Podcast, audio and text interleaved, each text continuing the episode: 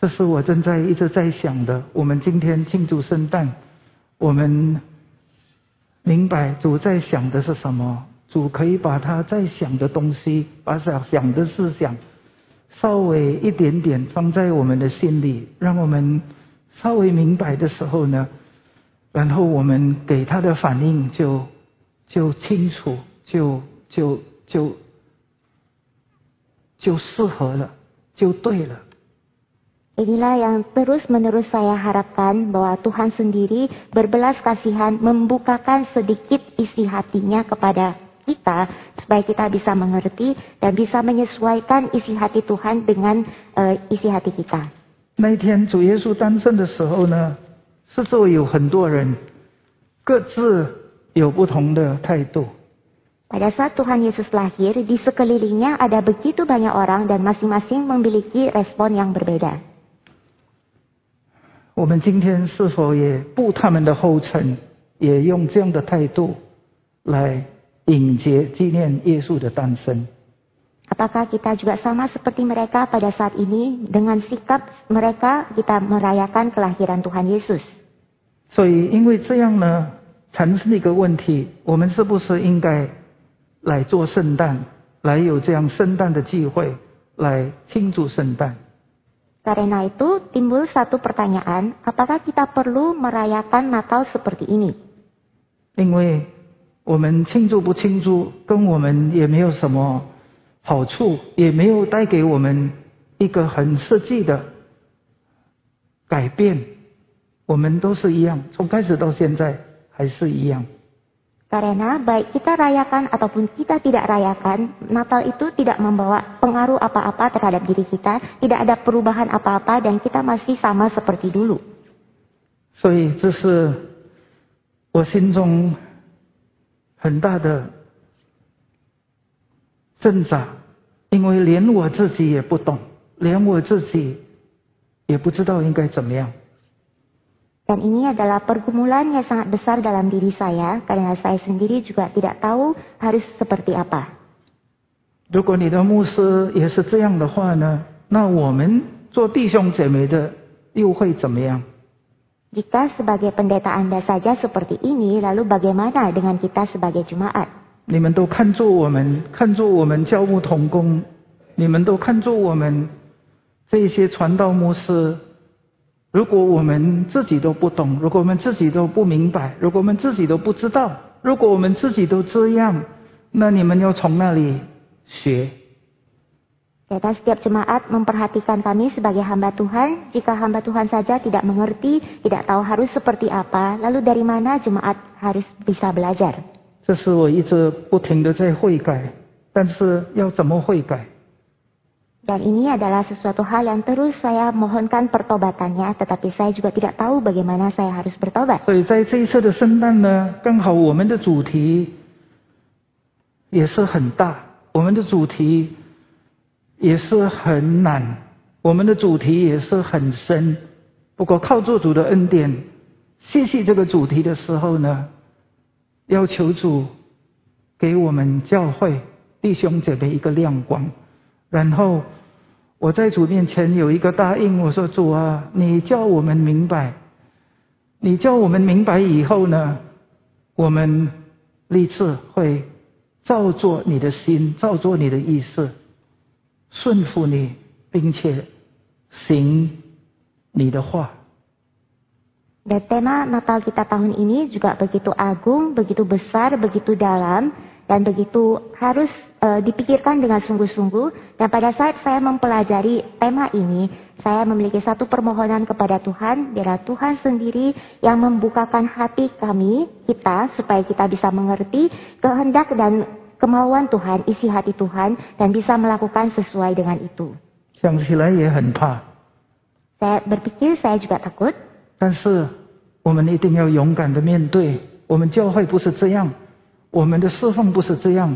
我们的圣诞不是这样，因为圣诞是整个人类的转捩点，圣诞是整个教会的转捩点，圣诞是整个人类命运的转捩点。哦，就从这个圣诞放射出去出发，让整个的世界都被重生，整个的世界都被改变，因为这是主给我们圣诞的目的。Tetapi gereja dan diri kita tidak bisa terus seperti ini. Kita harus berani menghadapi ini karena Natal adalah titik balik kehidupan kita sebagai orang percaya, titik balik bagi seluruh dunia di mana Tuhan menggunakan Natal untuk mengubah seluruh kejadian yang ada di dunia ini menjadi serupa dengan kehendaknya sehingga dapat mencapai tujuan dia menciptakan kita.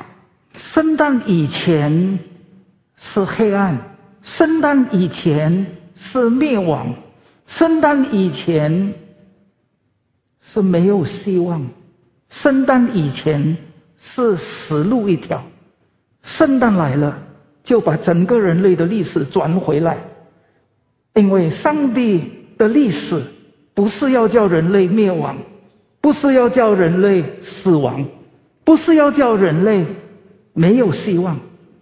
上帝的目的就是要叫人类经历神自己，是跟神，是跟上帝同行，来经历丰富的人生、丰富的生命、丰富的历史。 Sebelum Natal, dunia kita itu adalah dunia yang dalam kebinasaan, kegelapan, tanpa harapan dan tidak ada jalan keluar. Tetapi setelah Natal, kita ber- Tuhan menggunakan Natal untuk mengubah seluruh dunia ini. Karena tujuan Tuhan bukan supaya kita binasa atau tidak punya harapan, tetapi supaya kita bisa mengenal Tuhan dan bisa berjalan bersama Tuhan di dalam seluruh kehidupan kita. 从人类的开始的时候呢，还不到几天，时间很短，人就已经不走在主要走的道路上，就已经相对，然后走向灭亡的道路。所以从那一天开始， 我们的上帝心里就非常的焦虑。所以呢，在每一个就从那一天开始，那一天是那一天呢？那一天就是三章十五节。创世纪三章十五节，从那一天开始，主就预备好，要把人类全部再赎回来，然后把整个的方向倒转，面向他原来给人类所定的计划。所以，就从那天开始，希伯来书的作者怎么说呢？希伯来书的作者是说，从早期古史。上帝借作先知，多次多放了小于人类，小于列祖，一直一直一直，但是人一直不回来，一直到最后没有办法的时候，他就借作他自己的儿子，小于我们。自己的儿子是谁呢？自己的儿子就是他自己的本身。Jadi sejak awalnya penciptaan, belum lama Tuhan menciptakan manusia, manusia sudah menyimpang dan tidak berjalan di jalan Tuhan. Dan sejak saat itu Tuhan merasa begitu gelisah dan Tuhan ingin sekali membawa manusia ke jalan yang benar. Oleh karena itu di dalam kejadian pasal 3 ayat 15 Tuhan sudah merencanakan bagaimana untuk bisa membalikkan semuanya itu dan membawa manusia kembali kepada dia.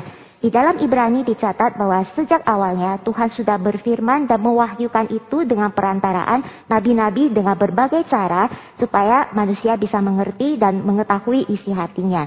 Sampai pada zaman akhir Tuhan menggunakan anaknya sendiri satu-satunya cara untuk sebagai penyataan bagi manusia. Karena hanya dialah yang bisa menyatakan Allah itu sendiri karena dia sendiri adalah Allah.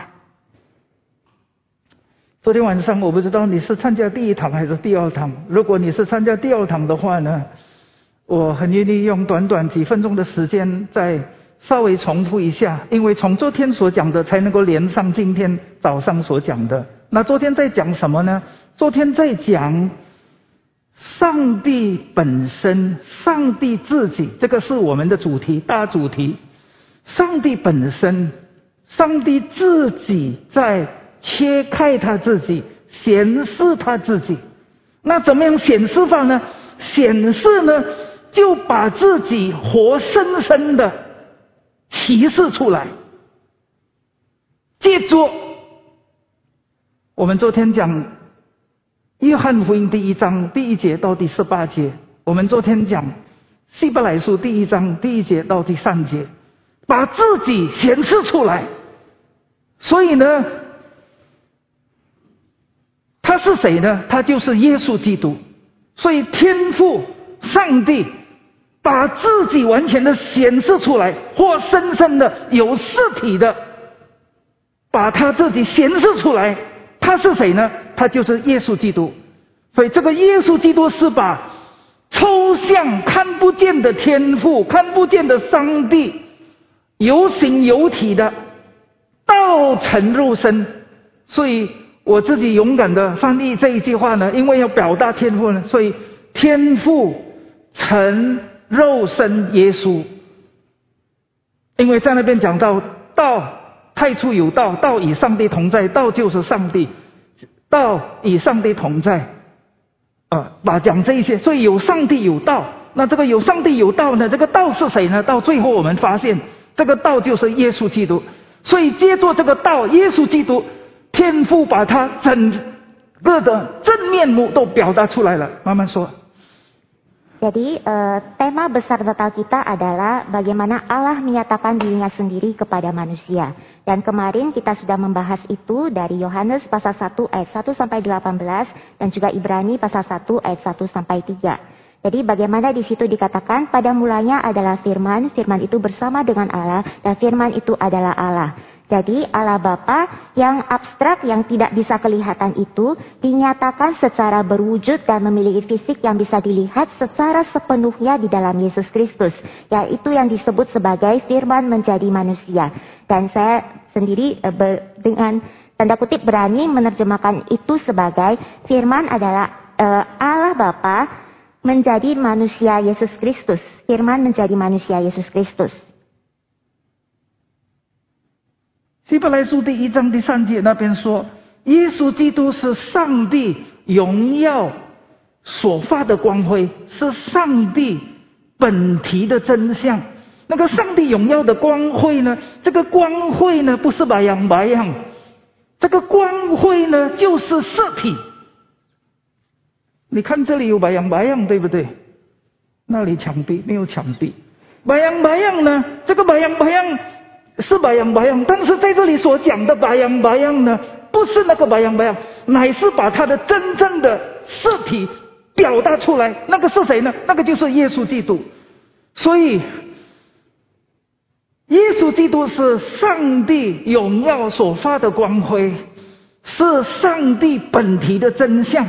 所以，这个第一个很重要的就是天父把他自己活生生的完全。一百八仙没有减少任何，全部都表达出来，就是耶稣基督。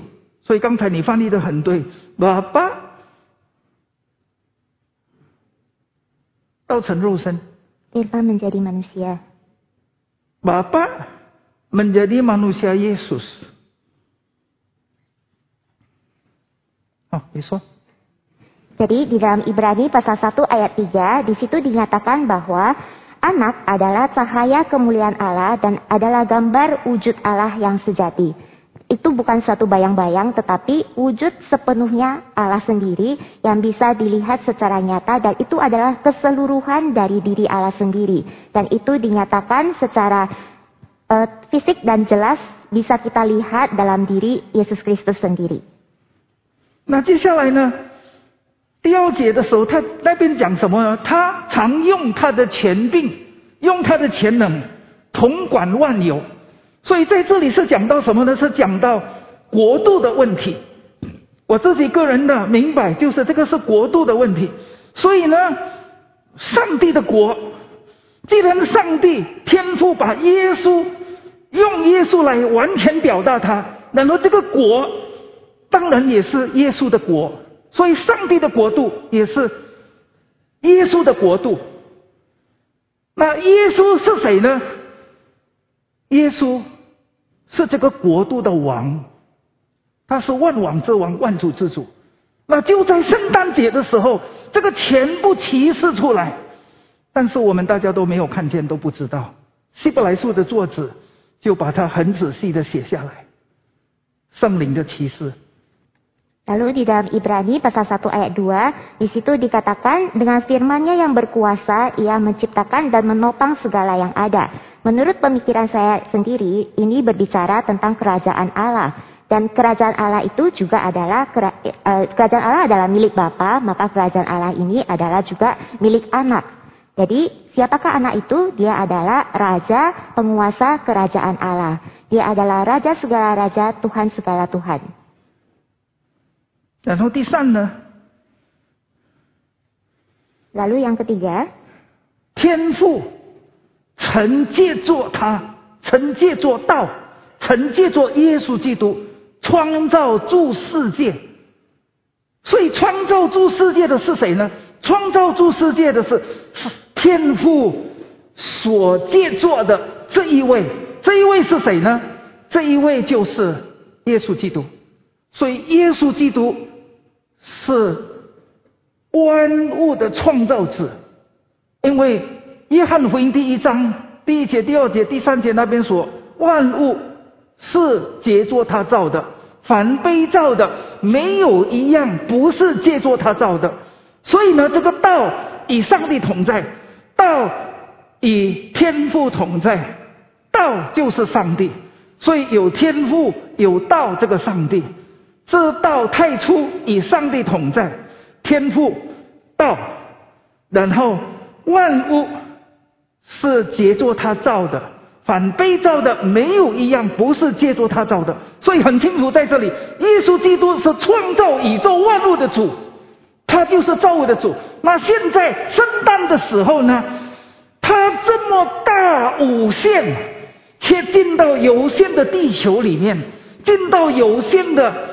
谁？玛利亚的母胎里面，又要经过四个月、九个月的怀孕，然后就剩下来，生在玻璃恒的马槽，又臭又脏又暗，又我们不能想象那个情况。他是万王之王，他是万子之主，他是天赋完全实体的表现。现在呢，他就进到玻璃恒。那个马槽被人拒绝，又脏又臭又暗的那个地方，要做什么？你说？Jadi Allah melalui Yesus Kristus menciptakan dunia ini. Seperti yang tercatat di dalam Yohanes pasal 1 ayat 1, 2, dan 3. Di mana firman itu pada mulanya adalah firman. Firman itu bersama-sama dengan Allah. Dan firman itu adalah Allah. dan segala sesuatu diciptakan oleh dia dan tanpa dia tidak ada suatu pun yang terjadi dari segala yang dijadikan. Jadi sangat jelas di sini kita bisa melihat bahwa sang pencipta itu adalah Yesus Kristus sendiri. Dan Yesus Kristus yang begitu besar, begitu agung, dan begitu tidak terbatas itu, kemudian mau masuk ke dalam dunia yang begitu terbatas dengan meminjam rahim seorang Maria, dan dia dilahirkan di dalam palungan yang begitu hina, kotor, dan bau untuk menjadi sama dengan manusia. 你要慢慢听，这个东西全部都很重要。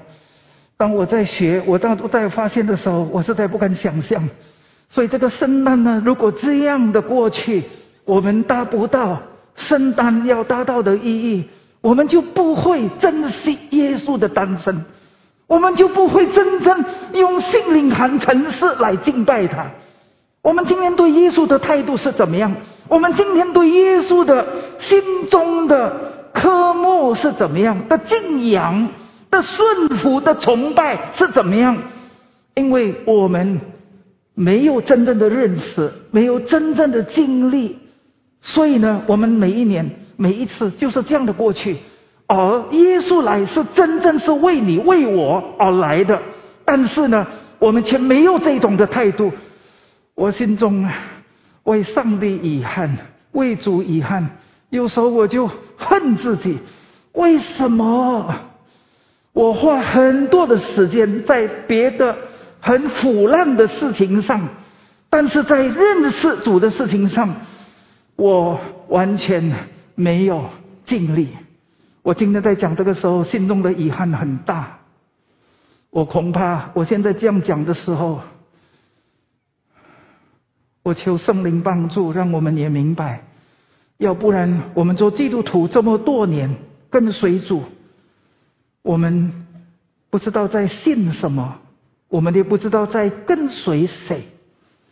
如果我们有这样的一个耶稣，我们没有好好珍惜，我们会很遗憾。Jadi ini adalah satu hal yang sangat membuat saya merasa khawatir dan juga sangat menyesalinya. Jika pada saat Natal kita tidak sungguh-sungguh memahami arti dari Natal itu dan kita tidak mengalaminya, maka sia-sialah kita menjadi orang Kristen selama ini dan apa apa sebenarnya yang kita percayai, yang kita imani kalau kita sendiri tidak mengerti dan tidak bisa mengalami itu di dalam hidup kita. Sehingga kita sama sekali tidak memiliki sikap, penghormatan dan kasih yang seharusnya kita berikan kepada Yesus Kristus yang lahir bagi kita pada hari Natal itu. 他来是为说要死，要定十字架。所以下面第三节他说什么呢？希伯来书的作者他说呢，他洗净人的罪。所以他来的目的很清楚，就是要死在十字架上。他洗净人的罪。那他怎么样洗净呢？为什么要洗净？因为人犯罪，罪的公价就是死。如果这个死没有用圣界的生命的血来解决的话呢，这个罪永远不到赦免。上帝创造人的时候呢，上帝给人无限量的生命，永生的生命，没有死亡的生命。但是从第一天。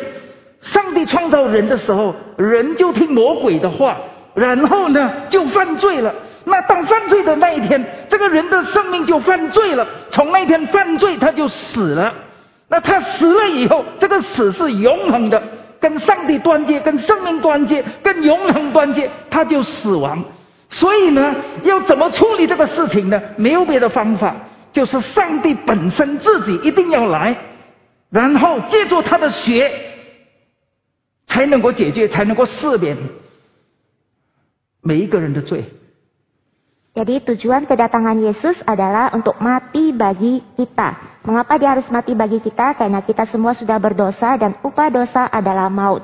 Tidak ada jalan lain, tidak ada cara lain untuk bisa menyucikan itu selain daripada mengorbankan dia yang tidak berdosa, darahnya yang kudus, barulah bisa menyucikan kita dari dosa kita. 所以呢，你知道吗？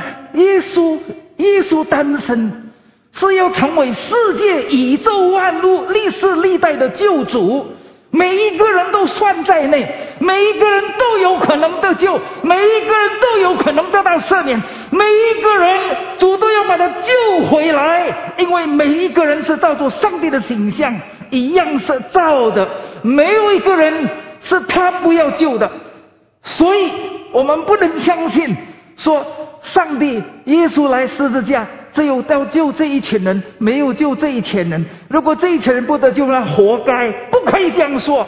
上帝要救的是世界上的每一个人，包括犹大在内。但是犹大自己选择，其实主给他很多的机会。Kedatangan Tuhan Yesus ke dalam dunia adalah untuk menjadi juru selamat bagi seluruh umat manusia dan bukan hanya orang-orang tertentu atau kelompok-kelompok tertentu saja. Karena isi hati Bapa adalah Bapa ingin menyelamatkan semua manusia, tidak ada yang terkecuali. Bahkan termasuk juga Yudas, tetapi dia sendiri yang menolak dan menyia-nyiakan kesempatan yang berulang kali diberikan kepada dia. 所以我们已经想了，耶稣是谁？耶稣是父的本身。 耶稣是谁？耶稣是父的国的王，他是万王之王，万主之主。耶稣是谁呢？耶稣是创造宇宙万物，没有一个不是他所创造的。耶稣是谁呢？耶稣是人类历世历代万国历世历代的救主。那他洗净了人的罪以后呢，他就坐在至高子的右边。这个是什么呢？这个是大祭司。这个是什么呢？这个是重宝。这个是什么呢？这个是尊贵的中宝。为什么尊贵的中宝？就是上帝与人，天父与人有仇，他做中宝。人类与耶稣有仇，他做中宝；人类与人类有仇，他做重宝；人类自己跟自己有仇，他也做重宝。他报过全部仇恨的重宝，包括我们在内。为什么人会自杀？你有没有自杀的念头？千万不可以。但是人也不自由己，为什么？因为他恨他自己。为什么他会自杀？因为他恨他自己，他没有办法解决，所以他就自杀了。很遗憾，如果他认识耶稣的话呢？耶稣能够使他跟他自己和好，耶稣能够帮助他与他的家人、跟他的朋友、跟他的同事、跟其他的人和好。耶稣能够帮助他与耶稣和好，耶稣能够帮助他与天父和好，耶稣能够帮助他跟天地和好，他会享受无限量的生命、无限量的生活、无限量的前途，因为耶稣是我们的中保。到今天，罗马书、希伯来书的作者还说，耶稣做我们的中保。还在为我们祷告。Jadi, uh, mari kita simpulkan kembali siapakah Yesus Kristus. Pertama, Yesus Kristus adalah Allah sendiri. Kemudian, Yesus Kristus adalah Raja Kerajaan Bapa. Dan ketiga, Yesus Kristus adalah pencipta seluruh alam semesta. Dan keempat, Yesus Kristus adalah juru selamat bagi seluruh umat dan manusia di segala abad dan zaman. Kemudian Yesus Kristus juga adalah pendamai setelah dia menyucikan dosa manusia. Dia duduk di sebelah kanan Allah Bapa di atas takhta sebagai pendamai bagi manusia dalam perseteruan dengan manusia antara manusia yang berseteru dengan Allah, manusia yang berseteru dengan Tuhan Yesus dan manusia yang berseteru dengan dirinya sendiri. Apakah Anda pernah memikirkan mengapa manusia mau bunuh diri? Itu karena dia membenci dirinya sendiri. Tetapi jika dia bisa menyerahkan diri kepada Tuhan Yesus, dia bisa berdamai, Tuhan Yesus bisa mendamaikan dia dengan dirinya sendiri, mendamaikan di manusia ini dengan orang lain, dan mendamaikan manusia ini dengan Tuhan, maka dia akan tidak memiliki keinginan untuk bunuh diri, dan dia bisa memperoleh hidup yang kekal. 所以今天我们在庆祝圣诞的时候，庆祝耶稣，庆祝耶稣，就是这位耶稣。 就是希伯来书作者所讲的这位耶稣，就是约翰福音第一章所讲的耶稣。这个耶稣多么的宝贵，我们怎么样来庆祝他？这是我们很大的问题。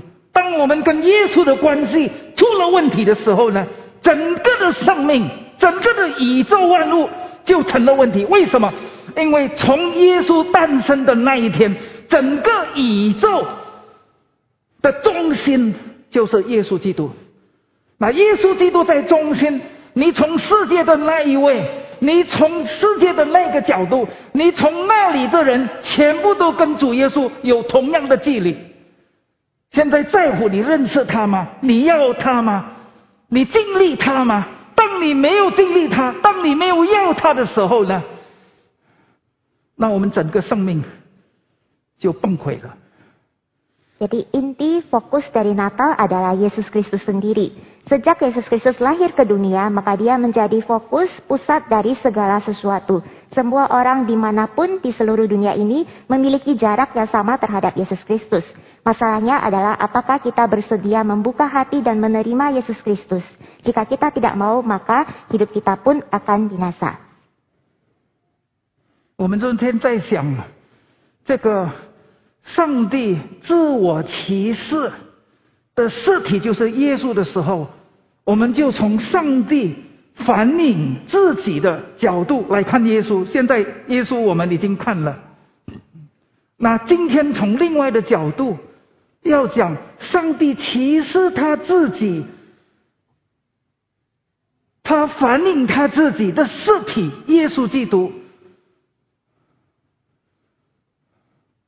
我们要从庆祝的角度来看，celebrate，celebrate 是什么意思呢？celebrate 就是展现、就是 expose，就是赞扬，就是切开，就是切开。耶稣基督为什么我们讲别的很会，但是讲耶稣不会？因为我们不很认识他。为什么我们不很认识他？因为我们没有经历他，所以我们就讲不出来。然后呢，我们就不讲了。我们不认识，我们不讲，我们不传。那耶稣一年比一年，一年比一年，一年比一年，一年比一年，更没有人性。你看欧洲、美国，他们被称为基督教国家。今天的欧洲，今天的美国，为什么？因为没有把耶稣认识好、经历好、传讲好。所以今天你知道吗？那些很宏伟的礼拜堂里面是什么？你去过你就知道了。今天。已经改了别的信仰、别的招牌，然后不是在传讲耶稣，因为不认识耶稣，没有经历耶稣。那我们这么这么今天的教会，我们也在这样的挑战中，我们求主帮助我们。好的，轮到你了。Kemarin kita sudah membahas bagaimana Allah menyatakan dirinya sendiri. Itu refleksinya adalah uh, Allah menyatakan diri sendiri melalui Yesus Kristus mewujudkan dirinya secara utuh, secara berfisik yang bisa kita lihat. Lalu hari ini kita berbicara tentang Allah menyatakan dirinya kepada manusia dalam sudut selebrasi. Apa sebenarnya selebrasi itu? Yaitu kita harus menyingkapkan, kita harus membedah dan membukakan Yesus Kristus Kemudian kita bisa memberitakan tentang Yesus Kristus kepada orang-orang.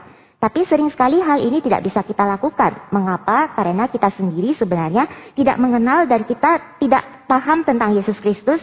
Sehingga karena kita tidak tahu, tidak mengenal tentang Yesus Kristus, maka kita pun tidak memberitakan tentang Yesus Kristus. Lama-kelamaan ini akan menjadi satu kebiasaan sehingga semakin lama semakin sedikit orang yang memberitakan tentang Yesus Kristus dan semakin sedikit orang yang percaya kepada Yesus Kristus.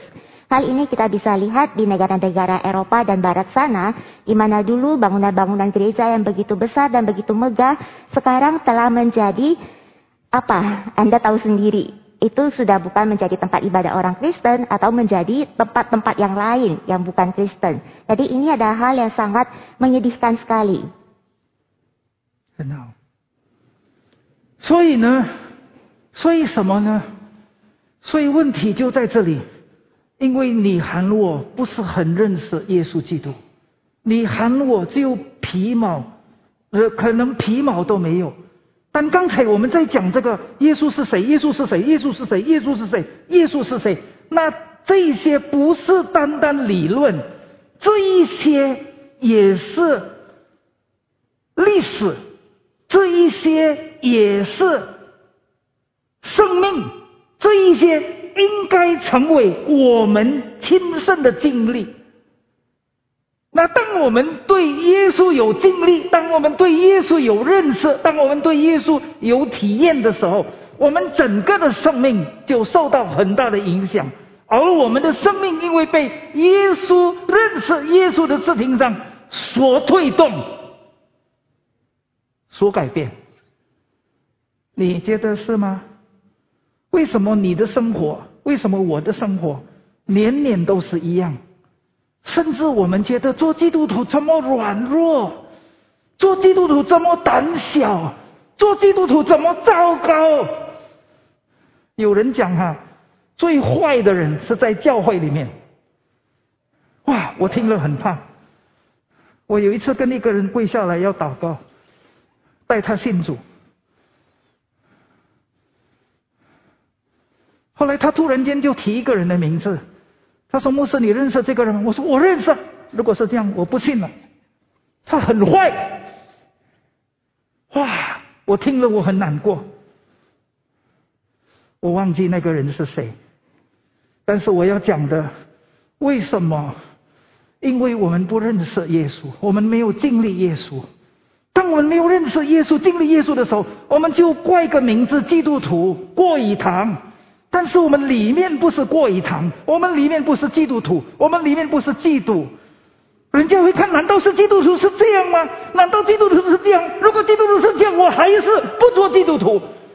关键，因为我没有经历耶稣。因为我不认识耶稣，我跟耶稣没有很好的关系。圣诞节你来做什么？圣诞节我们是来赞扬耶稣、崇拜耶稣、敬仰耶稣，再一次被他的降临，心中得到巩固、坚固的肯定。然后我们圣诞节以后会很勇敢的出去把耶稣传讲，因为圣诞节不是单单两千年前所发生的事情，直到今天为止。为什么？因为天父的计划还没有达到，耶稣的诞生那个成为末世的里程碑，那个是开始末世。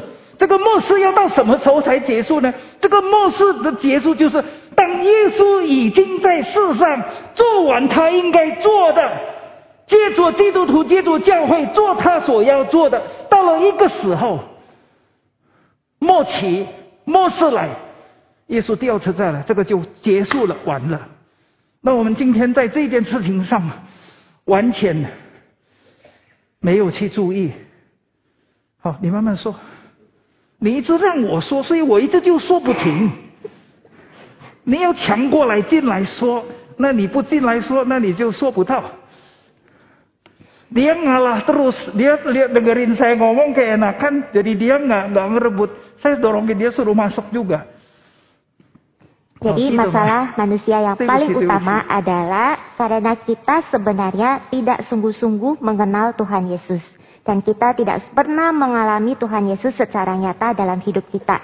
Semua yang kita ketahui, apa yang tadi kita sampaikan, itu hanya menjadi teori belaka. Dan kita menjadi orang Kristen yang sama sekali tidak ada perubahan hidup. Karena kita tidak mengenal dengan sungguh-sungguh dan tidak pernah mengalami Yesus Kristus secara sungguh-sungguh. Itu sebabnya banyak sekali orang mengatakan e, di dalam gereja itu isinya adalah orang-orang yang jahat, tidak lebih baik daripada orang yang ada di luar sana. Hal ini adalah hal yang sangat menyedihkan dan perlu kita uh, refleksikan supaya kita bisa bertobat dan uh, menghindari hal tersebut. Lalu di dalam Natal itu kita seharusnya kita menyingkapkan, menyatakan dan memperkenalkan tetap uh, menyembah dan memperkenalkan Yesus Kristus kepada semua orang.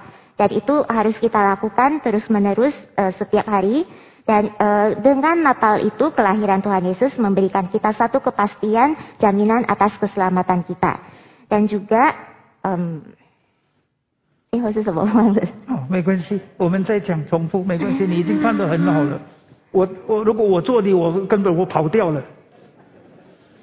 呃，讲下去好了。呃，所以呢，这个关键呢，就是因为我们还不认识耶稣，我们还没有经历耶稣。Jadi kuncinya adalah karena kita belum mengenal Yesus Kristus dan belum mengalami Yesus Kristus 我们的生命跟他没有接触。我们不过是在外表上好像是，但其实不是，还没有。Jadi hidup kita itu belum sepenuhnya terkoneksi dengan dia ya secara luarnya saja seperti itu tetapi di dalamnya belum seperti itu. Nah, 现在耶稣在哪里? Dan sekarang Yesus ada di mana? 耶稣在哪里? Di manakah Yesus? 我们在庆祝圣诞，耶稣在哪里? Kita sedang merayakan Natal dan di manakah Yesus? 耶稣在哪里? Di manakah Yesus? ada di dalam hati. Setuju? Kamu yakin Yesus ada di dalam hatimu? Siapa bilang Yesus di dalam hatiku?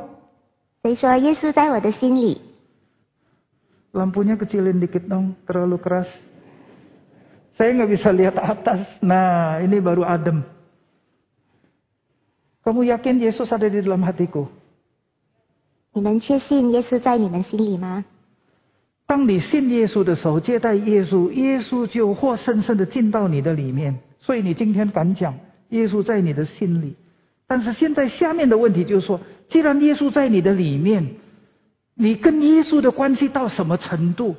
然后耶稣给你的影响，耶稣给你的帮助，耶稣给你的一切，你会感受，你会经历，你会改变，你会成长，你会这些东西有没有？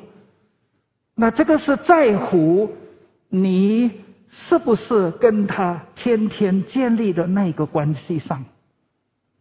Jadi karena kita uh, sudah percaya, kita menerima Tuhan Yesus, kita percaya Dia adalah Tuhan, maka Dia tinggal di dalam hati kita. Tapi masalahnya selanjutnya adalah apakah kita sungguh-sungguh sudah mengenal Dia, apakah kita sungguh-sungguh sudah mengalami Dia, dan itu semuanya bisa terjadi jika kita membangun hubungan dengan Dia setiap hari. 所以现在如果问耶稣在哪里，第一，你说耶稣在你的心里，我赞成。然后我也要说，是耶稣在哪里？耶稣在他的教会里。 Jadi jika kita bertanya, di manakah Yesus? Pertama Anda mengatakan Yesus ada di dalam hatiku, saya setuju. Dan kedua, Yesus ada di dalam gerejanya.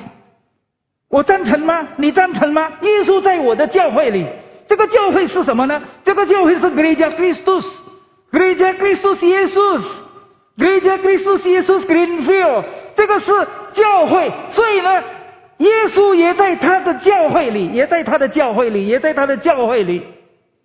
Apakah Anda setuju bahwa Yesus Kristus ada di dalam gerejanya? Gereja kita adalah gereja Kristus Yesus. Jadi Yesus Kristus ada di dalam gerejanya, di dalam gereja ini. 所以耶稣要离开门徒们的时候，他说：“在不多时，你们不得再见我； 但是在不多时，你们还要再见我。Dan ketika Tuhan Yesus akan meninggalkan murid-muridnya, dia berkata bahwa tidak lama lagi engkau tidak akan melihat aku lagi, tapi tidak lama lagi engkau akan melihat aku lagi. ”他钉十字架，然后他死了，然后埋葬了，第三天复活，四十天跟门徒们在一起，然后第四十一天他就升天，然后第五十天圣灵降临。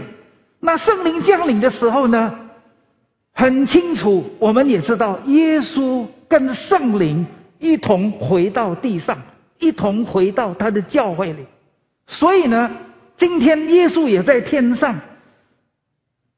因为他是无所不在，因为他是上帝，耶稣也在信里，那耶稣也在他的教会里，那这个教会是主耶稣的教会，我们的名字都已经讲了，这个教会是主耶稣的教会，但是是不是真正的这个教会的主，这个教会的头是主耶稣，还是大卫救？Jadi sejak Tuhan Yesus disalibkan, eh, mati dikubur, lalu hari ketiga dia bangkit, kemudian selama 40 hari dia tinggal bersama dengan murid-muridnya, pada hari ke-41 dia naik ke surga, dan pada hari ke-50 ketika roh kudus dicurahkan, Tuhan Yesus juga turut hadir bersama dengan roh kudus di dunia ini. Karena Tuhan Yesus itu maha hadir, maka selain ada di surga, dia juga ada di dunia ini. Lalu eh, masalahnya adalah apakah kita percaya bahwa Tuhan 我们信不信耶稣在他的教会？Apakah kita percaya bahwa Yesus ada di dalam gerejanya? Tadi kita sudah katakan ini adalah gereja Kristus Yesus, maka Tuhan Yesus Kristus ada di dalam gereja ini. 以弗所书第四章第四一节那边开始说什么呢？他所示的有使徒，有先知，有传福音的，有牧师，有教师，做什么？为了要成全圣徒，各尽其职。一直到什么时候呢？一直要叫我们同归于一，在什么事情上同归于一？就是在认识、经历耶稣基督的身上，认识、经历耶稣基督，使我们成长、成熟，满有基督的鲜亮。然后呢，我们要凭诚实、凭真理说爱信话，凡事长进，连理严守基督，向着基督是教会的头，教会的头就是耶稣基督。以弗所书四章十一节一直到十六节讲得很清楚。Jadi sangat jelas di dalam Efesus pasal 4 ayat 11 sampai 16 di situ dikatakan sejak mulanya ialah yang memberikan kepada rasul-rasul, nabi-nabi, pemberita Injil, gembala dan pengajar-pengajar untuk memperlengkapi orang-orang kudus bagi pekerjaan pelayanan bagi pembangunan tubuh Kristus. Sampai kita semua telah mencapai kesatuan iman dan pengetahuan yang benar tentang anak Allah kedewasaan penuh dan tingkat pertumbuhan yang sesuai dengan kepenuhan Kristus. Dan terus berpegang kepada kebenaran di dalam kasih, kita bertumbuh di dalam segala hal ke arah dia, Kristus yang adalah kepala. 我们五十五十分钟到了，所以我们应该停了。 Jadi waktunya sudah selesai 50 menit. 讲到 kita 翻 harus 译只有 berhenti. 五十分钟，我刚刚看五十一分钟了，所以我想我应该停了。不过我要讲的现在， 我们跟主的关系，这个教会跟主的关系，如果耶稣基督是教会的头，我们在听教会的头耶稣基督做事吗？然后主耶稣曾经说过十四章十二节，主耶稣说：“我实实在在的告诉你，我所做的事，信我的人也要做，并且要做比这更大的事，因为我往父哪里去。你们无论什么事求我，我必答应，叫父的荣耀。这个是这样的情况。今天我们教会为什么不成长？今天我们教会为什么起不了很大的影响、很大的作用？比较早期的教会，才第一天，彼得一讲到的时候，一百二十个人，加到三千人，所以一百二十加三千，三千一百二十。第二天四章四节，他讲到五千个人，所以五千加三千加一百二十，五千、三千、八千、一百二十，在隔天那边写很多讲不出来，为什么呢？上帝、主耶稣、圣灵在教会借着使徒们、借着门徒们起的影响，你看。第二章四十一节到四十七节《使徒行传》，那个教会的生活，在主耶稣的带领之下，在使徒们的带领之下，在圣灵的恩告之下，这个教会呢不能停止，天天得救的人数增加，天天有人会改，天天有人的帮助，天天有人重生，一直在增加，一直在增加。为什么？主耶稣是教会的头。为什么？因为圣灵的恩高随着。为什么？因为教会经历耶稣基督，因为教会听耶稣基督，因为教会顺服耶稣基督，因为教会做耶稣基督所做的事，所以整个教会就出动起来。你慢慢翻译一下，对不起，我叫你辛苦了。你的心脏已经跳动得很厉害。 Jadi yang eh, intinya adalah bagaimana hubungan gereja dengan Tuhan Yesus Kristus. Seba- eh, Tuhan Yesus adalah kepala dari gereja. Apakah kita sebagai gereja taat kepada kepala gereja kita dan taat melakukan apa yang kepala gereja kita lakukan? Itu sebabnya kenapa kehidupan kita sebagai umat percaya dalam gereja pada masa kini tidak memberikan pengaruh sebesar yang kita lihat pada gereja mula-mula. pada saat itu ketika gereja mula-mula baru didirikan, kita bisa melihat jumlah pertambahan jemaatnya begitu pesat dan e, mereka begitu giat untuk mengabarkan Injil dan semakin banyak orang yang percaya dan mereka memiliki kesaksian hidup yang baik. Mengapa bisa begitu? Itu karena mereka benar-benar mengenal Tuhan Yesus, mereka mengalami Tuhan Yesus secara pribadi dan Allah Roh Kudus menyertai pekerjaan mereka sehingga semuanya itu bisa terwujud. 好，五十五分钟，我们应该停了。对，我们一起祷告。Mari kita berdoa. 主啊，我们需要亲爱的圣灵来帮助我们，Tuhan kami butuh Allah Roh Kudus yang terkasih menolong kami. 希望这个成为开始，开始的觉醒，Biarlah 开 ini 始的复兴，menjadi titik awal kebangunan yang baru. 因为你已经定了，耶稣基督是教会的中心，Karena engkau telah menetapkan Yesus Kristus sebagai inti dari gereja. 一切的丰富，一切的奥秘都在耶稣基督的身上。Segala kepenuhan dan rahasia sudah ada di dalam Yesus Kristus. 你不会，天父不会赐福某一个人越过耶稣基督，超过耶稣基督，一定是在主认识、经历耶稣基督的世上，哦，兑现、兑现的。Allah Bapa tidak akan memberkati eh, seorang manusia melebihi kepenuhan dan kelimpahan yang ada di dalam Yesus Kristus. 所以，如果我们认识耶稣基督、经历耶稣基督，那个是整个天父所定的意向与方方法。Jadi jika kami sebagai orang Kristen bisa mengenal dan mengalami Yesus Kristus, maka itu adalah arah yang ditetapkan oleh Bapa. 主啊，让我们绿春过一堂，在这个圣诞节立志，我们要像保罗所讲的，看万事如粪土，我要得着耶稣基督，我要经历耶稣基督，我要体验耶稣基督，比一切的一切都可以看作粪土，因为得着耶稣，就是得着天父所给的一切的丰盛。Biarlah sejak hari ini Gereja Kristus Yesus Jemaat Greenfield bisa bertekad seperti Rasul Paulus bahwa kita bisa kami bisa menganggap segala sesuatu yang lain sebagai sampah dan karena kami mendapatkan Yesus Kristus sebagai kemuliaan yang diberikan oleh Allah Bapa. 这是我们的祷告，Inilah doa kami. 靠主耶稣的圣名，Demi nama Yesus yang kudus. 大家一起说 Kita sama-sama katakan 阿门。amin. 谢谢.很谢谢你，你很辛苦了，真的，谢谢，谢谢。